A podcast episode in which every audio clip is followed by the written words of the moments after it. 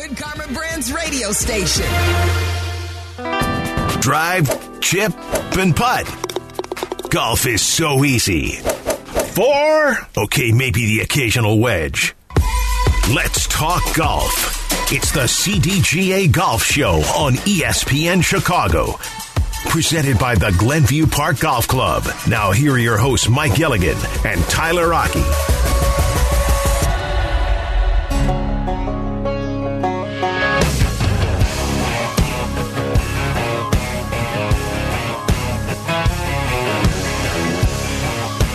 Morning and welcome on in to the CDGA Golf Show presented by Glenview Park Golf Club. I'm Tyler Aki alongside Mike Gilligan. We're talking golf with you every single Saturday morning throughout the golf season, 8 to 10 a.m. right here on ESPN 1000. And we are in the midst of the Masters, Mike, one of the most glorious times of the year. And I hate to be a prisoner of the moment, but so much has happened, Mike, in the last, I don't know, two days that it really has been some of the most memorable first two rounds of golf that we've seen. Absolutely, Tyler, no doubt. Um, you know, the weather is now going to be the big story, but there's so many other stories that have captured our interest. You know, Rory uh, has his bags packed; he's heading home. Tiger's holding on for dear life to try to make the cut, and we have an amateur who's about to make history. So it's coming at us from every which way but loose. And not to mention, we've got a LIV player at the top of the leaderboard. right. It's sort of the perfect storm that's brewing. And you bring up a LIV player at the top of the leaderboard. How about you look into the mix of the top 10 as well? Phil Mickelson, what's going on there? Patrick Reed, he's been playing fantastic golf as well. So, so much going into this. The drama is there. And guess what, Mike? It is Saturday and round two isn't even over yet because of the weather that we saw yesterday. So we're seeing these guys really going through it right now. I did text Tracy Butler to get a little bit of a weather update of what's going on down at Augusta, and she says, not good. It looks cold and sopping wet. They're looking for a high around 50 today and persistent rain. So we may not finish round three today. And that's so true. As I'm watching Tiger, he just hit the pin at 15. He almost pulled a Bryson and went into the water, but he his ball will stay up on the green. But it is raining right there. Most of the guys got their rain pants on. The wind is down at the moment, but it's only going to get worse. And hopefully we can get this thing in because I hate to watch the Masters on Monday, but it would be a nice diversion from a typical Monday. But there's nothing like watching this thing unfold on Sunday, especially Easter Sunday for us this this year. Right. It's just the drama of what Sunday means for golf majors and everything in the world of golf as well. By the way, this segment brought to you by Geneva National. Experience 54 holes of legendary golf at Destination Geneva National. You brought up Brooks Koepka, and I don't want to say he's lucky right now because I don't think that's the correct word, but one of the reasons why he is in the leader chair right now at 12 under, currently holding a two shot lead over Jon Rahm, who sits in second. Rahm just uh, parred the par 5 13 just now. But part of the reason why is he got the ideal conditions. Thursday was about as perfect as you could have asked for from a golf tournament. Then you get into Friday. The first half of the day was perfect, and Brooks was one of the lucky few to be in the clubhouse by the time the, the horn sounded not once, but twice. And as a result of that, he's sitting pretty and played through some ideal conditions for his first two rounds. Absolutely. He, fortunate is the best word. I mean, I guess in golf, I'd always rather be lucky than good. Um, but Brooks has the golf god shining down on him at the present moment. Um, but it's been, it's just interesting. And it's, for us as golf fans, we expected more out of Tiger. We expected a lot more out of Rory. But here we have invading Gotham City. Augusta National is the Riddler, the guy we just can't figure out. Just a couple of months ago, we're watching on full swing a guy that looked like mentally he was done. Yes. And, and now Mhm. all of a sudden, he has ramped this thing up along with his cohort, Mr. Mickelson, who's having by far the best event he's had, LIV or no LIV, in Right. the last year or so. So I want to ask you this question, and I'd love to ask other people as well 312 332 3776. If you want to chime in. What's more surprising, seeing Brooks atop the leaderboard after everything he's been through over the last year, or seeing Phil tied for 10th right now in the Masters. What's more surprising to you? 312 332 3776. But, Mike, I ask you, what are you more shocked to see right now as we're almost through two rounds here on a Saturday morning?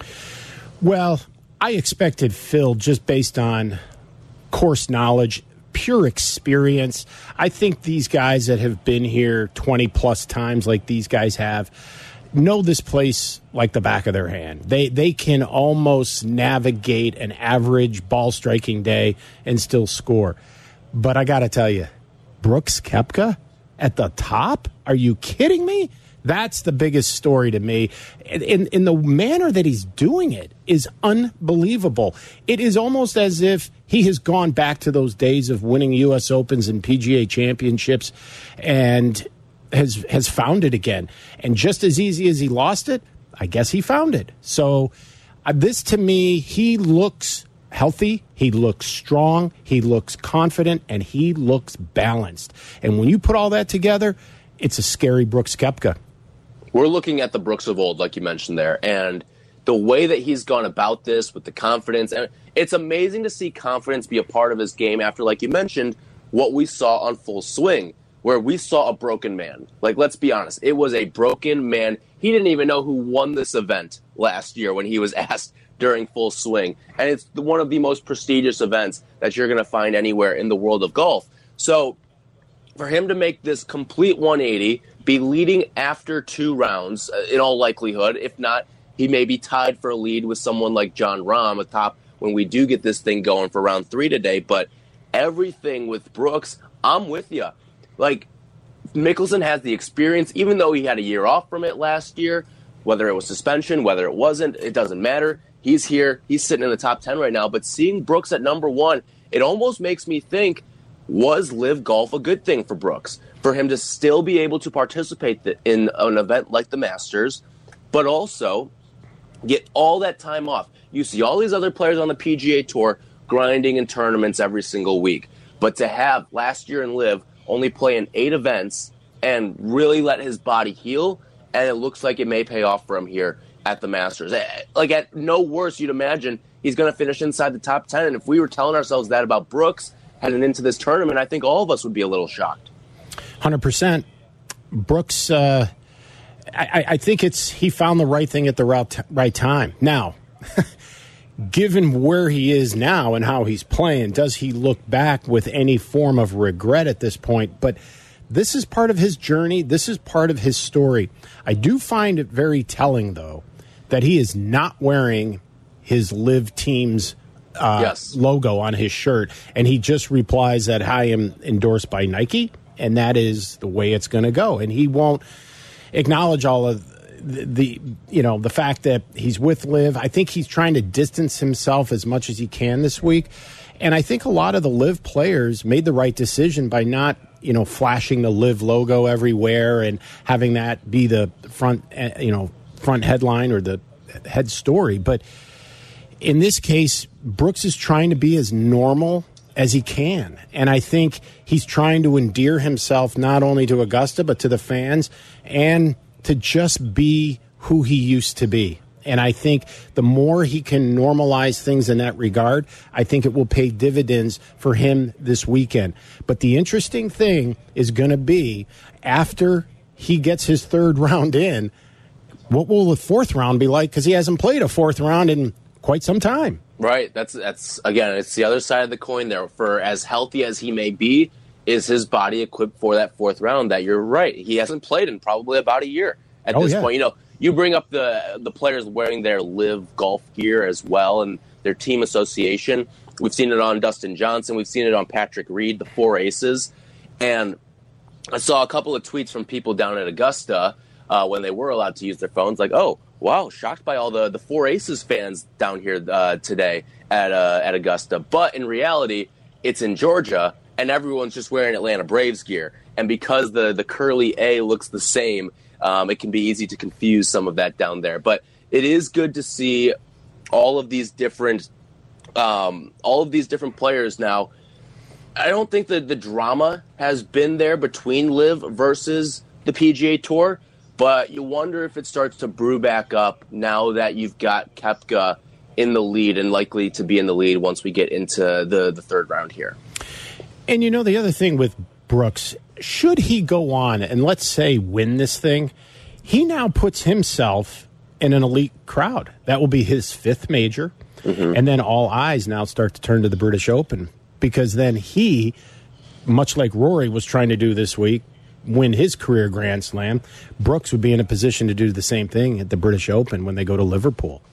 So there's a lot of interesting sidebar stories going on, especially around Brooks and where this all goes. But to your point, this I think is really going to spark the us versus them as we go into the next major being the PGA championship because if Brooks or anyone else from LIV wins, well, they're up one to nothing.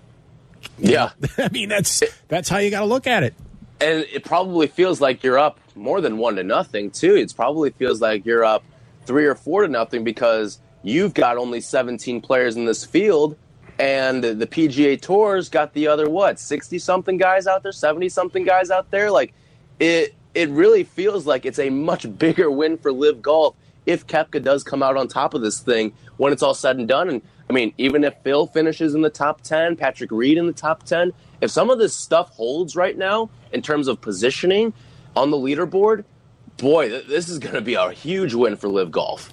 A tremendous, huge win. And if you don't think Greg Norman is sitting back in his recliner in oh, South boy. Florida just smiling as, as ear to ear right now, and especially if Brooks can pull this thing off, this would be such a feather in Greg Norman's cap like no other as they begin to then – you know go into the rest of their season as we head into then the next major championship. So this has all kinds of interesting tentacles, but I will tell you there is one certain network that has an eyeball that is absolutely thrilled with what is going on yes. right now because mm-hmm. this is without question must see TV in the biggest of ways and CBS is going to be the beneficiary of it all.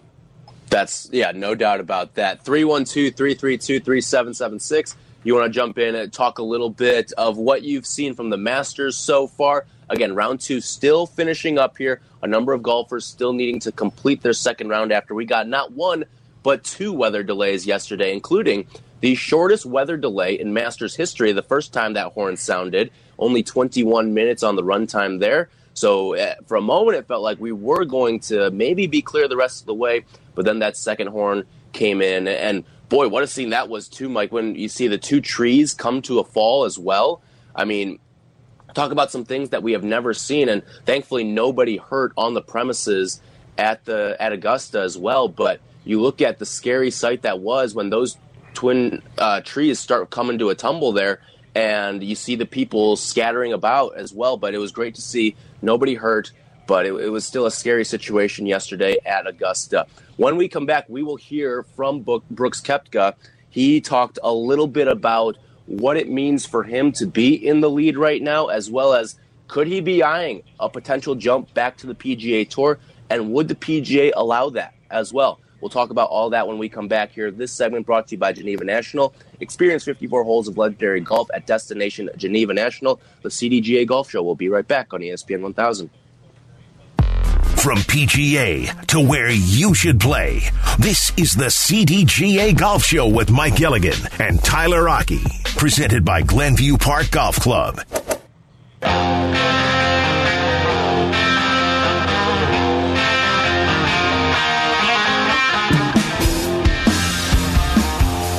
This is the CDGA Golf Show, presented by Glenview Park Golf Club. This segment brought to you by Tour Edge. Tyler Aki and Mike Gilligan talking golf with you every single Saturday throughout the golf season right here on ESPN 1000. Talking some Masters, some Brooks Koepka.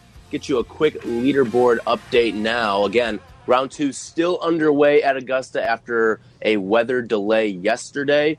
So Cam Young, he just birdied to move himself into uh, sole possession of four place. In first, it is Brooks Koepka. Jon Rahm is 10 under through 14 of his second round. How about this? The amateur Sam Bennett, he is 8 under and he is through his first two rounds of play, so he will be playing tomorrow. Cam Young, like I mentioned, in sole possession of fourth. And then tied for fifth, you've got Viktor Hovland and Collin Morikawa. Hovland, six under through 15. And Collin Morikawa, he's in the clubhouse already. He is six under with both of his rounds down so far. 312 332 3776. You want to jump on into the conversation here. Mike, we were talking a lot about Brooks Koepka in that first segment, and you brought up a very interesting point. Uh, we've seen a number of the LIV golfers sport their team gear on this at Augusta so far. We've seen it on their caps, we've seen it on their polos.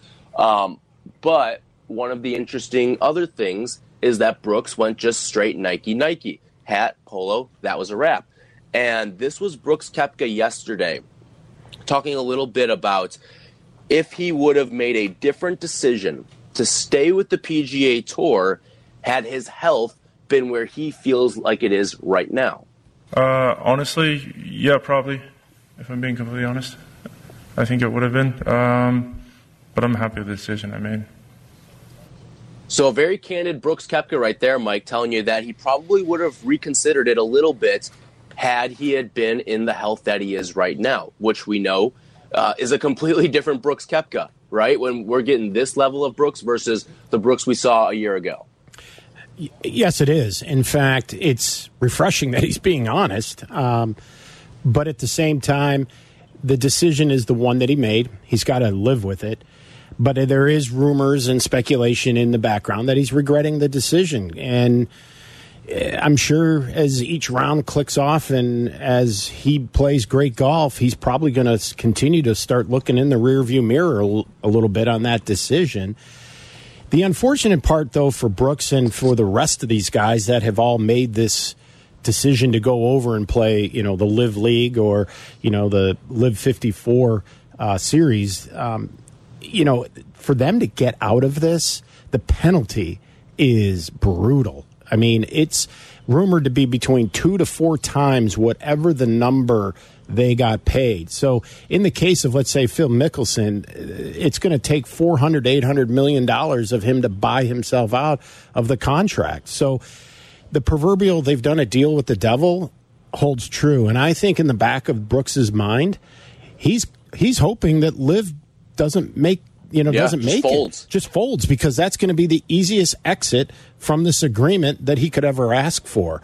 So, you know, is this decision not to wear the logo all part of a subtle way of kind of hoping that you know things don't work out. And remember i'm the guy that went you know the the nike route didn't wear the logo look fondly on me when the judge and jury takes a look at my case on will you let me back on the pga tour? Do i have to serve a minor penalty? Do i have to serve a major?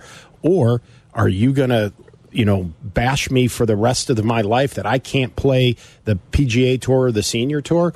Some of these guys might have to jump over to, to play the Asian Tour, go play the European Tour, any tour that will take them until they can be allowed back on. But I got to believe Jay Monahan and company would welcome these guys back in due time.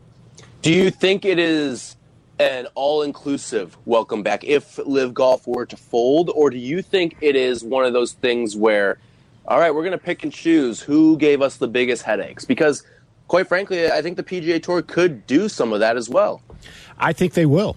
Um, I think if your name was on that lawsuit, you're going to pay a, a, a, much stiffer penalty.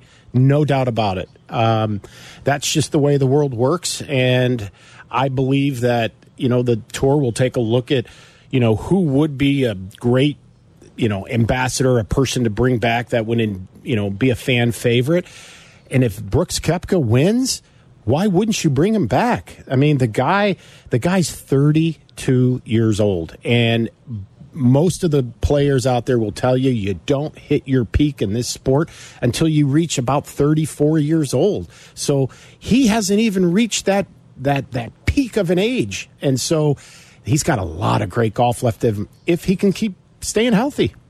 Yes, and, and that is, of course, is the big if as well. He talked a little bit about last year, the frustrations that he had with the injury, including this little nugget that he dropped about at the end of his round last year after he missed the cut at Augusta last year. Things almost went really south for him. This is what he said in his drive back down Magnolia Lane. Yeah. Um, I think last year, I don't even know if I should be saying this, but pretty, pretty sure I tried to break the back window with my fist um, of the car. I tried to put it through, through the back window, not once, but twice. First time didn't go, so figured to try it again. Um, yeah, it was a lot of frustration last year. Um, super annoying. But uh, like I said, I've come a long way since then. It's a lot of it, it's pretty much all health related. So that's Brooks Koepka from last, talking about last year when he tried to punch through a window. He went on to say, "Hey, Mercedes makes a pretty good window, pretty sturdy window, so you don't have to worry about that breaking." But just the way that, just the mindset that he was in from a year ago to where he is now, it looks like a night and day for Brooks Koepka. No doubt. I mean, if that's not an endorsement for safety for Mercedes, I don't know what is. um, to sustain a Brooks not once but two punches is is something to be said. Um, but yeah, you know that gives you insight as to the type of competitor he really is. I don't view Brooks Koepka as a guy who embraces the game and has an absolute joy going out to the range and pounding range balls and practicing at you know hours upon hours because he absolutely loves the game. What Brooks Koepka loves is to compete. He loves to win. He loves to beat his fellow uh, companions and competitors, whether he's playing ping pong or golf. He's just a just a, a competitor like no other.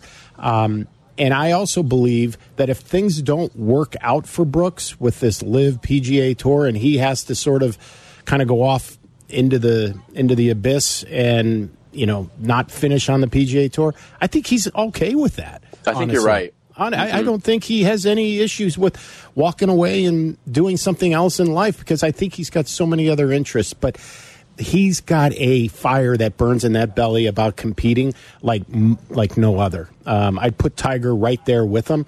Um, naturally, they're both Nike guys, so maybe you know Phil Knight found something in both of them in that regard. But uh, yeah, Brooks is uh, one heck of a competitor. Um, now, the only thing the PGA Tour may look down upon are those yellow shoes. I mean, do you, do you own yellow shoes? I do not own yellow shoes. I'm looking at my, my shoe closet right now. No, I do not own any yellow shoes. Um, how about this? I, I what was Viktor Hovland wearing day one? I mean, can you imagine sitting atop the leaderboard at Augusta and wearing that sort of floral shirt that he had on, the the black with the the pink flash to it as well? His shirt looked like the couch material on my grandma's couch back in the 70s. Honestly, that's the first thing that I resonated with me. And then it was, I thought it was one of those, you know, Where's Waldo shirts? Like, let's try to find the Augusta logo in there somewhere. Mm-hmm. Um, but I figured as good as he played, he'd go home, launder that thing, and keep wearing it the rest of the week. And looks like he probably should have been, given how he's doing in round two. But that, without question, was the shirt of the day. He was also talking about, hey, it's anything is better than the pink pants he had to wear last year. So he was not complaining about it. And, and you're right. Like, listen, if it works, why not wear it all four days? I mean, the the way that he was swinging the golf club in that group as well, alongside Xander Schauffele and Tiger Woods. I mean, it was a, a hell of a round for Viktor Hovland. Um, he he's one of those guys who this could be the year he breaks through for a major. He doesn't feel due per se, but he's been hovering around, and now it feels like we're coming close to a time for him to finally break through. And I'll tell you what, people are falling in love with Viktor Hovland. I mean, first off, how much golf do they really play in Norway? But the guy has got the constant smile, the attitude of gratitude. This guy is a fan favorite, and I enjoy watching him play golf more than most uh, that I watch out there. So I love his demeanor. I love how nothing really gets to him. Um, I think all of us as regular golfers can take away a lot of how his attitude and how he approaches his game. That's exactly how we should be approaching ours. Real quick before we hit the break, Eddie's on the north side. What's going on, Eddie? Hey, boys. Why is there so much talk about the? I, I why does the PGA have to have a monopoly over contractors? Because that's what these uh, golfers are. They're they're actually themselves contracting going to the tournaments. I think it's great that it's there's another league in it and everything. And I think tennis might even follow with it when they go through it. You know, I mean, all these other sports, every other player gets contracts, don't they? Football players, baseball players, hockey players, just go down the line. So why can't golfers get contracts? You know, Hey, I mean, it's entertainment. That's what it is. And no doubt, Eddie. And Eddie brings up a good point. point, and that's something that I've always said the same thing. Why are we so anti giving these guys contracts like any other athlete? But you know what it is? It's tradition. That's how this Yep. game has been played for years and years and years. And, you know, to really change the ecosystem of golf now makes the whole platform to which everyone, you know, earns their titles, earns their keep, you know, earns their records or establishes records. That's all been part of history. So to change it all of a sudden, now Ben Hogan, Gene Sarazen, Walter Hagen, Jack Nicklaus, they all competed on a different platform. And to suddenly just change it here in the year of, you know, 2022, 2023 is is probably not in the best interest of the game from a long-term historical perspective. But when you take a step back, like Eddie said, I mean, it's that's what they're doing. They're paying an athlete no differently than the New York Yankees pay their top pitchers, and just like if those guys don't perform, they get sent down, and if they continue to perform poorly in the minors, they get cut. And that's exactly what the LIV model is basically based on, but it goes against everything from a historical perspective that we've had happen here with the PGA Tour and with golf in history, quite frankly. You know, there's actually another tradition that not just takes place at Augusta, but in all of golf that's bothering me that I think needs to change starting very soon to keep up with the times. I'll tell you what that is coming up next. If you've got a thought and you want to jump on into the show, 312 332 3776. This segment has been brought to you by Tour Edge, the CDGA Golf Show. We'll be right back. Golf is on your mind and on the air right now. This is the CDGA Golf Show on ESPN 1100.3 HD2, and the ESPN Chicago app. Presented by Glenview Park Golf Club.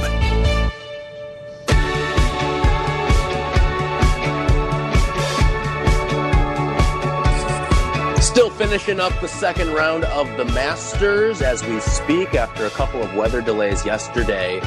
Postponed play until today. Your leaderboard right now, Brooks Koepka, he's through his two rounds. He's got the lead at 12 under.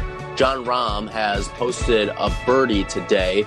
He is 10 under, two back of the lead through 14. Sam Bennett, the amateur, is in the clubhouse at 8 under in sole possession of Cam Young is 2 under his round, uh, his second round. He is seven under as a whole. He is in fourth place, and then a tie for fifth with Collin Morikawa and Viktor Hovland, each at six under. Hovland, though, will be putting for birdie coming up here very shortly. A couple other names already in the club. Tied for seventh, you've got Jason Day, Sam Burns, Jordan Spieth, all at five under. Tied for tenth right now, and all in the clubhouse as well. You've got Gary Woodland, Phil Mickelson, Joaquin Niemann, Justin Rose, Russell Henley, uh, Shane Lowry, and that is all at four under. All those guys in the clubhouse right now at four under. This segment brought to you by Zero Friction and their new Wheel Pro golf bag. We do have some Masters goodies to give away. Mike Gilligan has some trivia for you right now. So line up and get in line. Get ready to, to answer some trivia if you want to win some Masters, some great Masters stuff that we have to give away here. Mike, what's our first prize and what's our trivia question here? Well, our first prize this morning will be a actual Masters green caddy cap that was sent up to us from Augusta National earlier in the week, along with a Masters journal. You can own this if you can get this question right. Who has the most career birdies at Augusta National?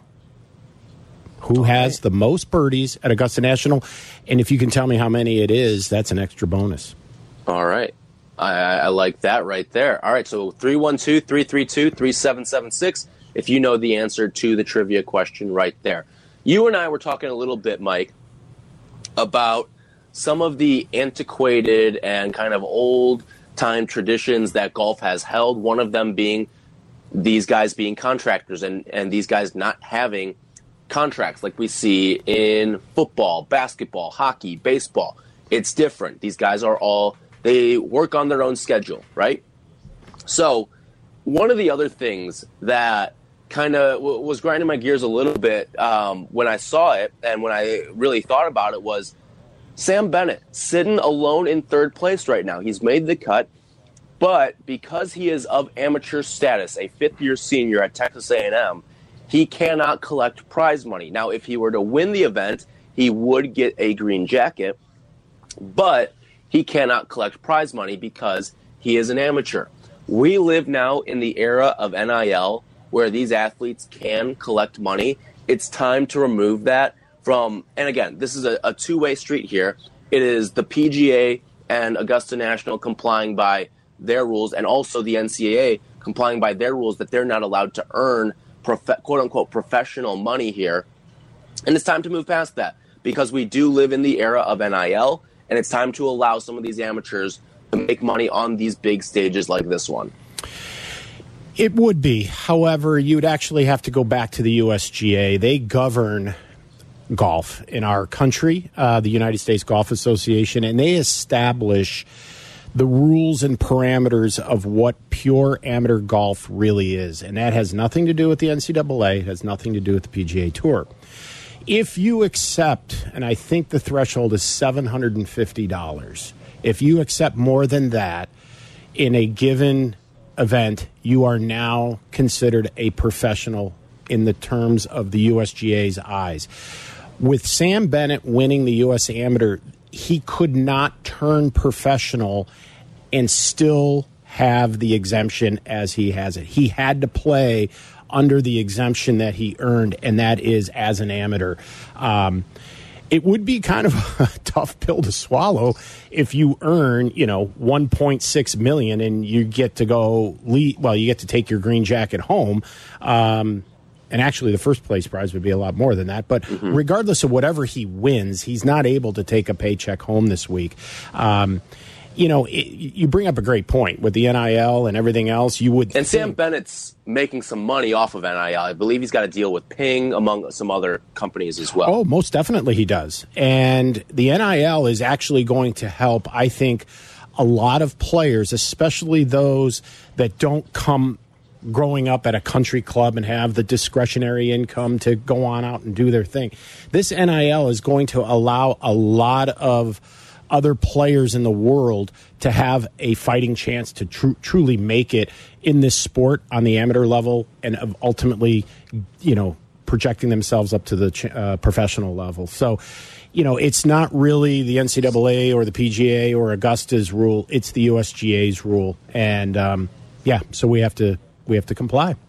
So it was funny. He was asked in his press conference. He's like, "I know you can't take any money home, but." You do know that I think he was in second place by the time he was in the clubhouse yesterday. You do know that second place last year took home like 1.8 million dollars, and he just sort of rolled his eyes because he's like uh, he he realizes he could be missing out on millions here because of the fact that he cannot collect as a result of, of his amateur status. But you're right, that is the only reason why he is competing in this. And boy, he has been quite the story. He pretty much shut down all competition leading in to the Masters to make sure he was a go for this tournament. And boy, he has put on a hell of a show for the patrons out at Augusta National. Eight under, sole possession of third. He is threatening to be the best finish in, of an amateur in Augusta's history at the Masters. Yeah, right now, and it was it was rather refreshing to listen to his press conference when they ask him, first off, does he really know who Bobby Jones is, let alone who Ken Venturi is? And for those who do not know who Ken Venturi is, back in 1956, Ken Venturi, as an amateur, led the Masters after three rounds and ended up with a second place finish.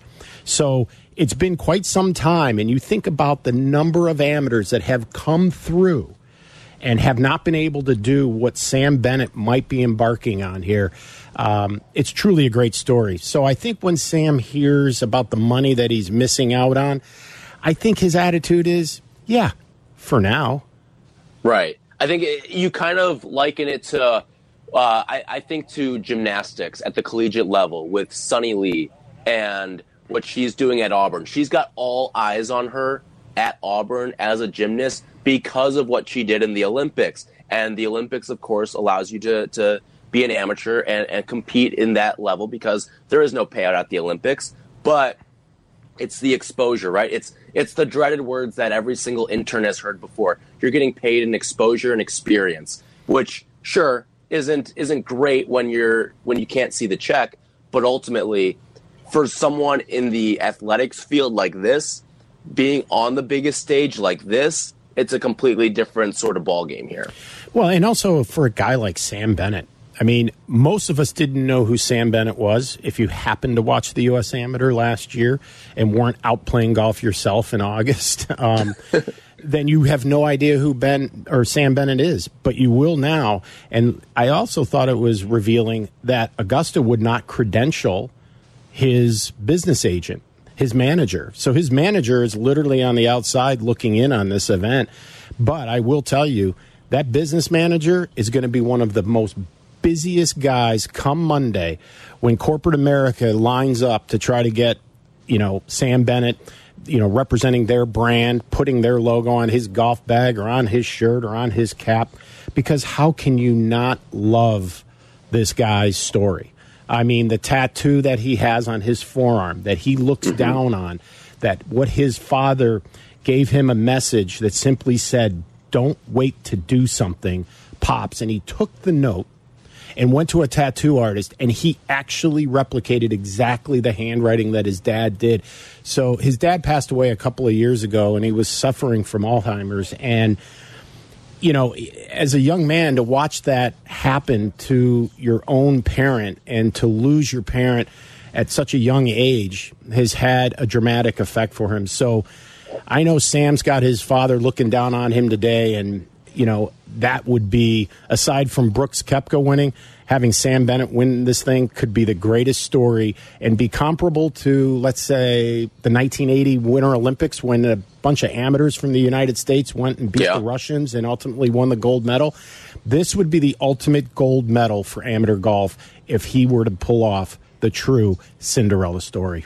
He's the first player since Jim Gallagher Jr. in 1991 to go bogey free in his first round at the Masters, and his 68's also the lowest round by an amateur in the first round since, like you mentioned, Ken Venturi all the way back in 1956. And right now he finds himself in a little bit of a sandwich. How about this? Behind Brooks Koepka and Jon Rahm, and ahead of Cameron Young, Collin Morikawa, and Viktor Hovland right now, all on this leaderboard. It's a hell of a story, and it would be one of the, the greatest ones that we have seen in Masters history if he does sort of hang around this company throughout the rest of the weekend here. All right, let's get our trivia. Winner Michael is in St. Charles. Who has the most birdies in Masters history, Michael? The Golden Bear, Jack Nicklaus. Ding, that ding, ding, ding, correct. ding, ding. By any chance, do you know how many birdies the Golden Bear made in his career at Augusta? Holy smokes. Uh, he had to play in close to like 40 of them. Uh, I'll just throw out a number uh, 627. You're just over 506. 506, the Golden Bear. You think he knows those greens? You think he knows that golf course? But congratulations, Michael. We'll get you out a uh, caddy cap and a master's journal and uh, wear it with pride out there in St. Charles. All right. Go Hoyas.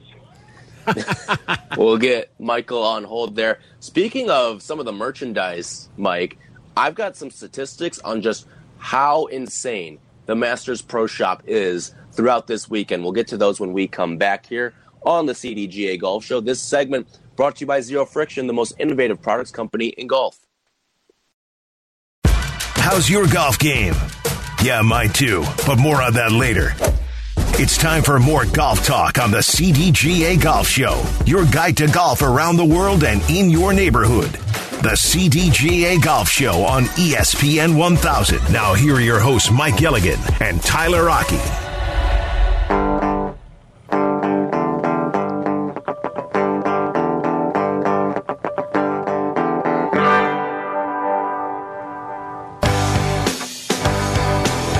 Brought to you by Tullymore Resorts. experience a Michigan masterpiece. Talking all things Masters with you here on ESPN 1000, the CDGA Golf Show, every single week here from 8 a.m. to 10 a.m. every Saturday on ESPN 1000. Tyler Aki, Mike Gilligan with you, talking a lot of Masters stuff. We will check in with Sean Fairholm from the Global Golf Post. That's coming up a little over five minutes from now here on the CDGA Golf Show. By the way, Jon Rahm just bogeyed on 16, rather on 17, so he will drop a stroke there, move back um, on rather that was on 16. He will drop back uh, a stroke there, so his deficit on Brooks Koepka now two away. By the way, Tiger Woods sitting right on that cut line right now, but he is going to need to make a lengthy putt if he wants to see the rest of today at Augusta.